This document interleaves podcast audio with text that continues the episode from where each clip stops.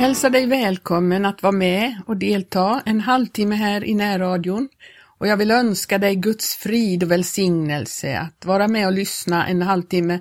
Jag heter Gertrud Johansson. Idag så ska jag fortsätta att tala lite om det ämne jag har sysslat med under ett antal veckor här. Jag har talat om vad som skedde på pingstdagen när församlingen ökades med vid pass 3000 människor hur människorna tog emot ordet när det förkunnades med den helige Andes kraft. Och det var ett enormt eh, genomslag på den dagen och det, det, blev en gemenskap som uppstod och förra gången så talade jag om den här gemenskapen, att den är en väldigt speciell gemenskap som inte finns och har funnits på något annat sätt på samma sätt som denna gemenskap. Jag vill fortsätta tala om det och idag så ska vi börja läsa i Apostlagärningarna 4 där det står så här i 32 versen. Och i hela skaran av dem som trodde var ett hjärta och en själ. Ingen enda kallade något av det han ägde för sitt, utan de hade allting gemensamt och med stor kraft framburo apostlarna vittnesbördet om Herren Jesu uppståndelse och stor nåd var över dem alla. Bland dem fanns ingen som led nöd, ty alla som ägde något jordstycke eller något hus sålde detta och buro fram betalningen för det sålda och lade den för apostlarnas fötter och man delade ut därav så att var och en fick eftersom han behövde. Josef som av apostlarna och kallades Barnabas, det betyder förmanaren, en levit som var bördig från Cypern, också han sålde en åker som han ägde och bar fram penningarna och lade dem för apostlarnas fötter.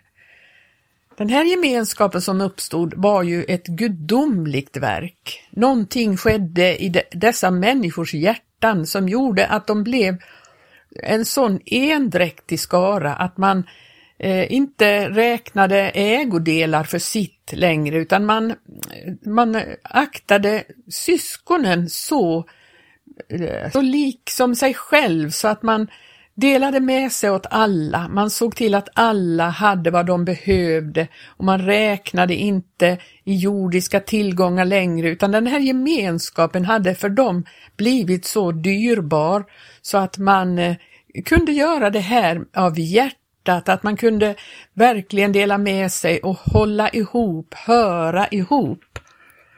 Vi, vi läser ju om hur de endräktigt var tillsammans.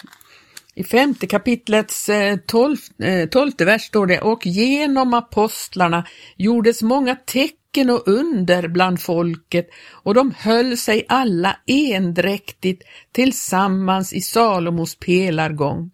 Av de andra dristade sig ingen att närma sig dem, men folket höll dem i stor ära och ännu fler trodde och slöt sig till Herren, hela skaror av både män och kvinnor. Emellan de här styckena som jag har läst så skedde ju det här med Ananias och Safira. Vi har läst, ni har säkert läst om det, hur dessa försökte eh, mitt i den här eh, oerhörda gemenskapen så försökte de luras och ha lite kvar utav eh, sina ägodelar i hemlighet för att ja, om det här inte skulle bli, gå bra så skulle de ändå ha någonting att falla tillbaka på. Det var ju deras ägodelar och, och egendom och de kunde göra vad de ville med det. Det var inte det som var felet. Det som var fel var att de ville framstå som att de också gav allt när de inte gjorde det. Och det var inte vad som helst att göra det i den här första församlingen därför att här var det en sån mäktig ande utgjuten, en sån oerhört mäktig närvaro av Gud och Guds ande själv så att en sån sak straffade sig därför att detta inte skulle bli någonting som förgiftade gemenskapen. Den här första församlingen eh, hade ju ingen eh, eh, kyrka, det fanns ju inte någon, någon sån, någonting sånt överhuvudtaget. Det står ju att man samlades hemma i husen eller så står det att de höll sig tillsammans i Salomos pelargång. Och man kan inte någonstans läsa att de byggde med detsamma en stor kyrka. Det är ju vad som sker idag, blir det skaror frälsta, ja då måste man bygga en större kyrka, man måste bygga ett hus. Alltså Jesus har inte någonstans befallt oss att bygga ett hus, bygga en kyrka där vi kan samlas. Och detta är ju någonting som nutidens kristna tycker är självklart att man måste ha en kyrka, en så stor som möjligt så att man kan eh, bevisa sin oerhörda mäktighet genom att visa hur många man har blivit och eh, hur stor denna kyrka är. Det här med kyrkor, det, det uppkom inte förrän, ja, någon gång på 200-talet har jag läst någonstans.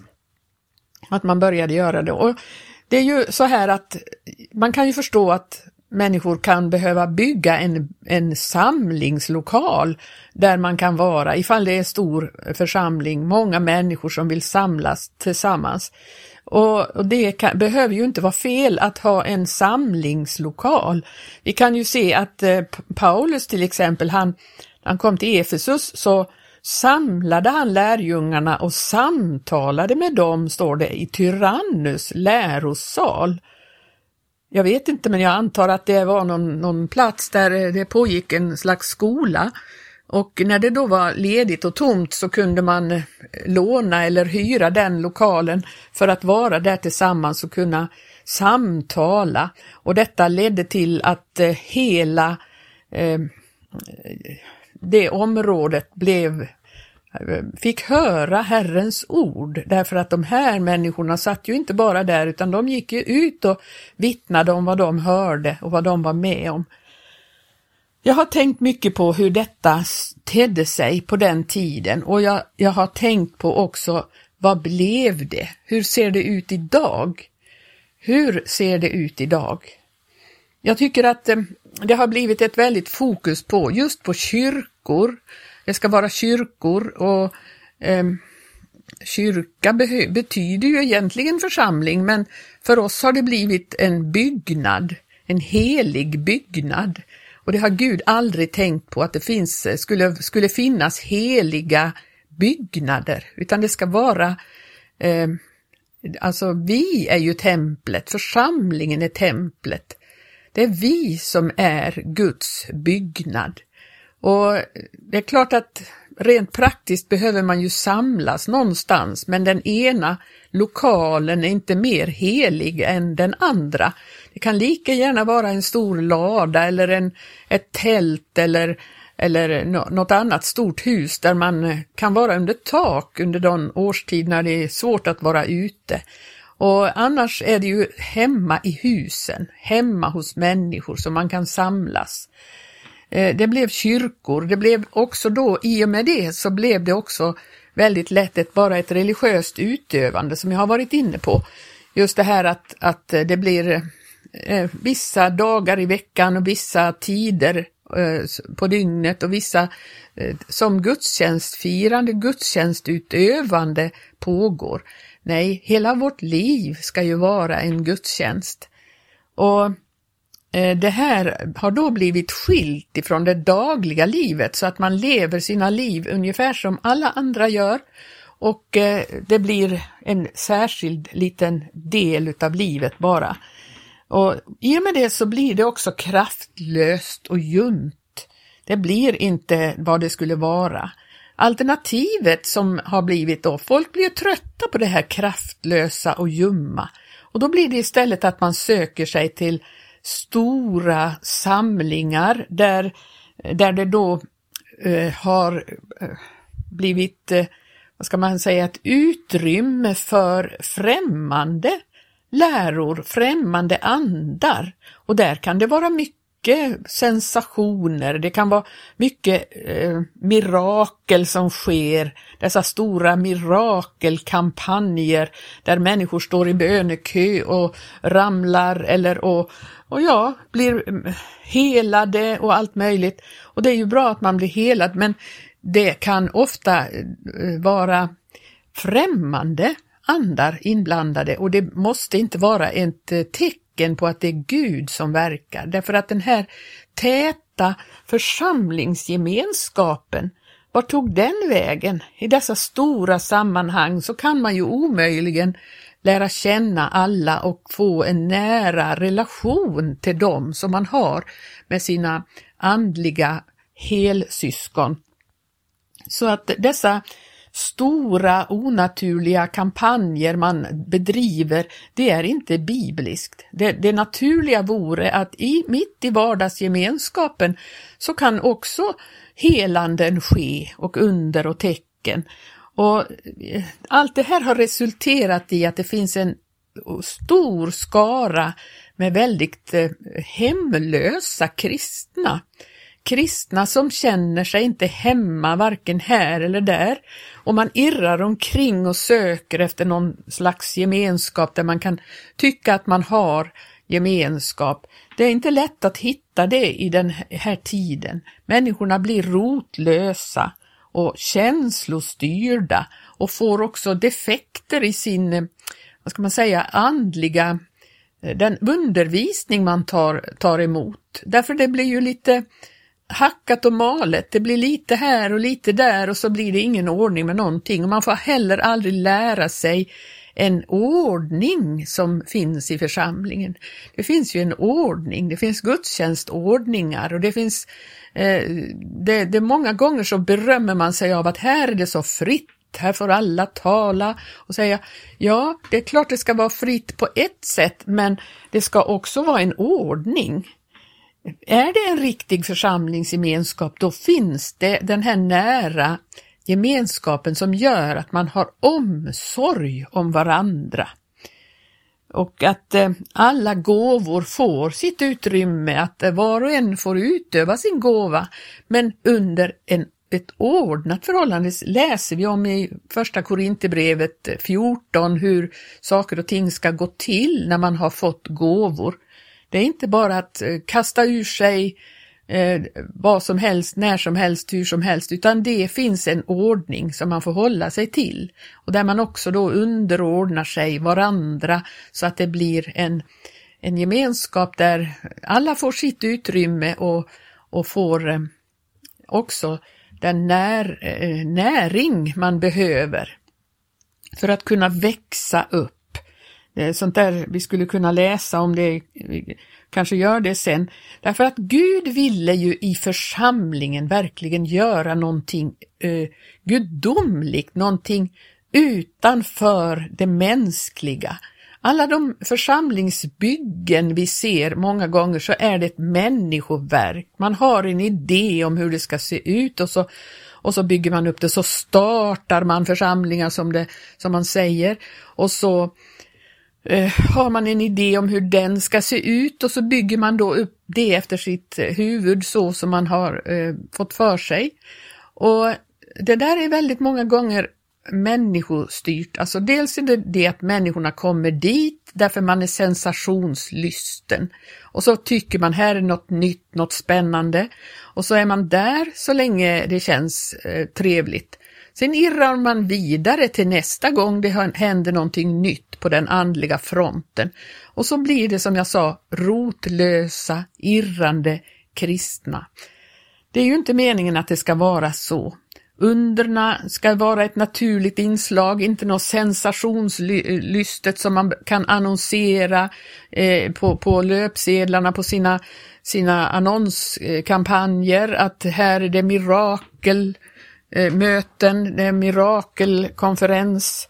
Eh, det, det, är liksom, eh, utan det är frågan om att eh, Gud måste få uppenbara sig i församlingen till en, en sådan församlingsgemenskap som man hade under den första tiden. Det måste finnas utrymme för förmaning åt människorna. Att man kan bli förmanad, det behövs. Det står ju det att någon är satt till att förmana och då akte han på sin plikt att förmana. Och det är någon andra som har fått till uppgift att undervisa. Det finns ju lärare som Gud har satt i församlingen. Vi läser ju om det i första Korinthierbrevet, eh, hur Gud har, har satt Eh, Eh, och det är väldigt viktigt att, att det får vara så. För det är ju därför att man har eh, fått de här gåvorna. Det är ju för att församlingen skulle byggas upp till det som Gud hade tänkt. I första Korinthierbrevet så står det om hur det började eh, ske liksom en förändring där, för man började tycka bättre om vissa förkunnare än andra och så började man hålla sig till olika förkunnare. Men Paulus förmanar verkligen korintierna detta att allt hör er till, alla de här olika. Det är ju inte att hålla sig till den ena eller den andra förkunnaren. Eh, jag håller mig till Paulus, jag håller mig till Apollos och jag håller mig till Kefas. Och så säger en att jag håller mig till Kristus. Han var väl extra andlig han. Nej, Kristus är ju inte delad, alltså det är ju han som har satt alla dessa i församlingen för att, eh, för att verkligen låta alla delar eh, få vara med där. Eh, I fjärde kapitlet så står det, ja egentligen skulle vi kunna läsa om det. Första Korinterbrevet. Nej, nu har jag antecknat fel här. Det här handlar om Efesierbrevet. Där kan vi läsa om hur församlingsgemenskapen skulle se ut. Det står ju att Gud, där i tredje kapitlet, att Gud ville att hans mångfaldiga visdom nu i och genom församlingen skulle bli kunnig för förstarna och väldigheterna i den himmelska världen. Sådant hade hans beslut varit ifrån tidsåldrarnas begynnelse, det som han utförde i Kristus Jesus vår Herre. Vi fattar ju när vi läser det här att det här är inte ett människoverk, det är någonting som Gud gör. I fjärde kapitlet så står det så här, så förmanar jag nu eder, jag som är en fånge i Herren, att föra en vandel som är värdig den kallelse ni har undfått, med all ödmjukhet och allt saktmod, med tålamod, så att ni har fördrag med varandra i kärlek och vinnlägger om att bevara Andens enhet genom fridens band. En kropp och en ande, liksom också ni blev kallade till att leva i ett och samma hopp, det som tillhör er kallelse, en Herre, en tro, ett dop, en Gud som är allas fader, han som är över alla, genom alla och i alla. Men åt var och en särskild av oss blev nåden given allt eftersom Kristus tillmätte honom sin gåva. Därför heter det han for upp i höjden, han tog fångar, han gav människorna gåvor. Men detta ord han for upp, vad innebär det om inte att han förut hade farit hit ner till jordens lägre rymder? Den som for ner, han är också den som for upp över alla himlar för att han skulle uppfylla allt. Och han gav oss somliga till apostlar, somliga till profeter, somliga till evangelister, somliga till herdar och lärare. Varför? Jo, han göra de heliga skickliga till att utföra sitt tjänarvärv, att uppbygga Kristi kropp, till dess att vi allesammans kommer fram till enheten i tron och i kunskapen om Guds son till manlig mognad och så blir fullvuxna in till Kristi fullhet. Så skulle vi inte mer vara barn, inte som havets vågor drivas omkring av vart vindkast i läran, vid människornas bedrägliga spel, när de illfundigt söker främja villfarelsens listiga anslag, Nej, vi skulle oss till sanningen och i alla stycken i kärlek växa upp till honom som är huvudet Kristus. Ty från honom hämtar hela kroppen sin tillväxt till att bli uppbyggd i kärlek i det att den sammanslutes och får sammanhållning genom det bistånd var led giver med en kraft som är avmätt efter var särskild dels uppgift. Ja, det är ju så församlingsgemenskapen ska se ut. Och då blir det en församlingsgemenskap som har alla de här egenskaperna som den här första församlingen hade, som inte är beroende av stora namn på, på annonseringarna för att man ska komma. Nej, man kommer alltid därför att man vill bidra med det som Gud har lagt ner i ens hjärta. Och man har sån kärlek till syskonen och det blir uppbyggt på Guds sätt, en sån här församling och inte som människor tänker. Och jag har tänkt mycket på det där att är det ett människobygge så det, det får ju aldrig vara frågan om det. Det får inte vara frågan om ett grupptryck att nu gör vi så här därför att alla andra gör så här. Det måste vara ett kärlekens tryck inifrån, att man gör vad man gör därför att kärleken driver oss till detta. Det står i i första Korinthierbrevet 13. Och om kärleken. Uh, det, det, är ju så nödvändigt för att uh, i tolfte kapitlet där så står det om gåvorna som gavs. Att uh, vi ska vara ivriga att undfå de nådegåvor som är de största och så skriver han där i sista versen i tolfte kapitlet och nu vill jag ytterligare visa er en väg, en övermåttan härlig väg. Och så kommer kärlekens lov då. Om jag talade både människors och änglars tungomål men inte hade kärlek så vore jag allenast en ljudande malm eller en klingande symbol. Och om jag hade profetians gåva och visste alla hemligheter och ägde all kunskap och om jag hade all tro så att jag kunde förflytta berg men inte hade kärlek så vore jag intet.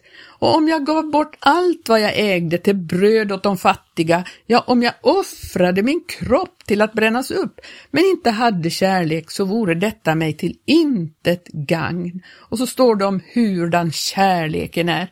Och denna kärlek måste vara det som är drivkraften i vår församlingsgemenskap, så att den blir blir en sådan gemenskap där Gud kan uppenbara sig, därför att Gud är kärleken. Må du och jag ta vara på den gemenskap som vi kan ha med syskon som vi möter på vägen. Låt Gud vara den som bygger upp församlingen. Låt Gud vara den som sammanfogar dig med andra syskon som är på samma väg och som har samma kärlek i sitt hjärta. Så blir det en förverkligande av Guds tanke, församlingen också i den här tiden. Må, må Gud välsigna dig så får vi höras igen om ytterligare en vecka.